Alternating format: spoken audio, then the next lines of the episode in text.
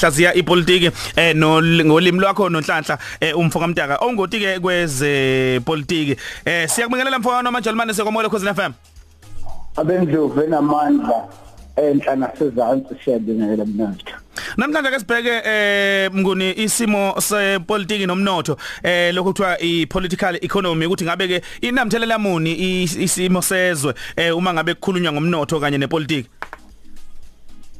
Isihloko lesi sibalekile engifisayo ukuthi kube nje ngabe sikhuluma ngaso ka khuzwana ngoba inkinga ekhona eningizimu Afrika kakhulukazi nakabohlanga osopolitiki osomabhizinisi nomphakathi jikelele.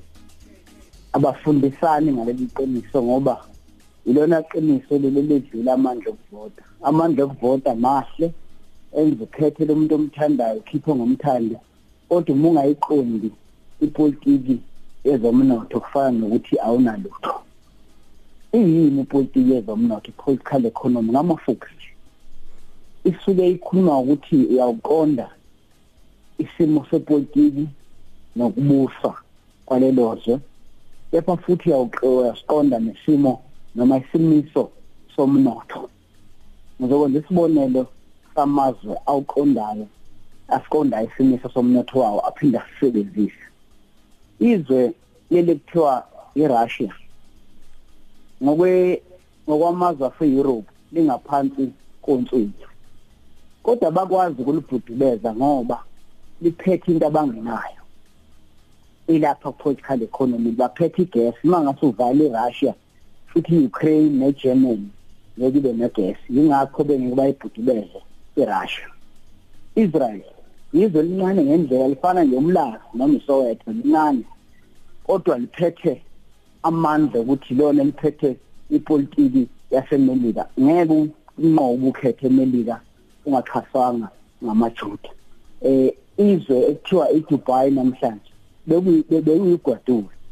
Epha kwaqhamuka umnotho namhlanje akasekho umuntu okhuluma noma kanjani ngeDubai. Ngizama ukuthi lamazwe engikhuluma ngawo kwamanje amazwe awaqondayo amandla awo omnotho. Akwaziyo futhi ukuwasebenzisa ukuze alungelwe izinto uma kuba nohwebo emhlabeni jikelele.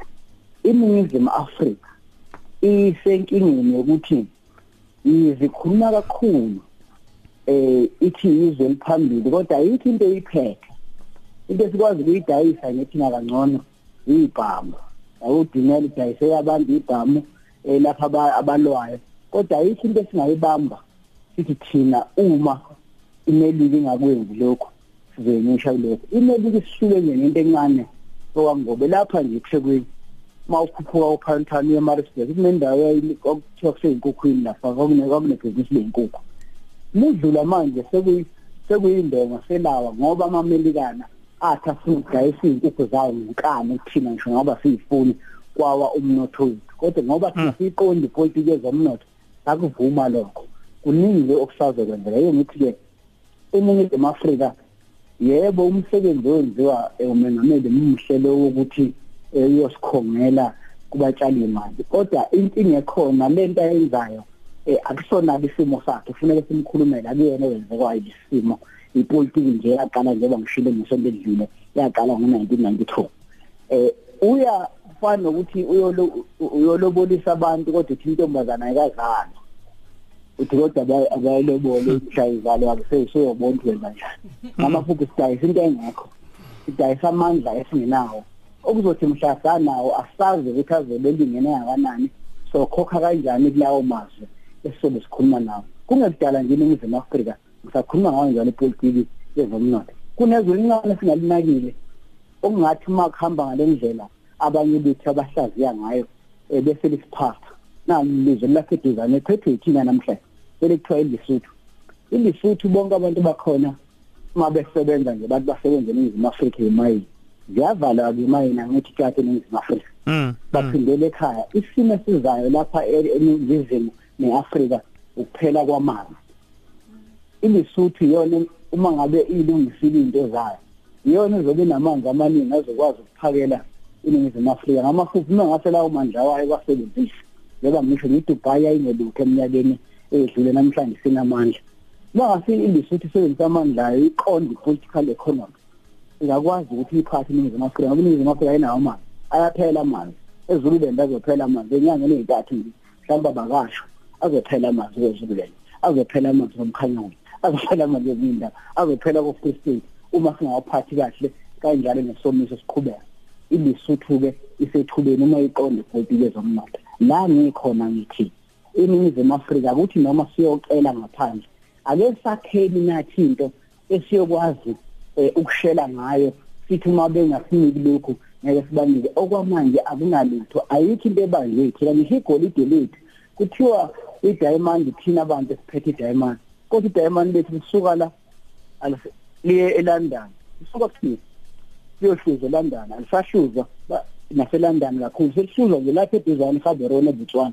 Ab- abetswana sebelithathile eh, balihluza ba- benza into eh, eh, eh, ongathi uma uthi uyabaphazamisa ebakutshela ukuthi uma usiphazamisa ngeke sikunike lokho thina sithatha into yethu siyise ngaphandle ibuye siyithina ngamafuphi ibuye siyithenga ingaseyona eyethu. Ngakho konke lokho esikwenzayo okucela imali sizodala inkinga ukuthi uma sekufuneke siyibuyise njengoba ngishilo siyolobolisa intombazane engakazali iyothi misikhona bese babaningi amasoka athi ngeyawo singasazi ukusenika abantu sigcine sihambe eh sasahamba into engekho. Okugcina kunalento omunye umuntu othe uma ngikhuluma ngisembedlule wathi intaka thina sifuna igrowth lokho kuthiwa ukukhula komnotho. Bakithi ake siyeke ukukhuluma amagama esingisa usiqa ukukhula komnotho ungakhula umnotho isibonelo.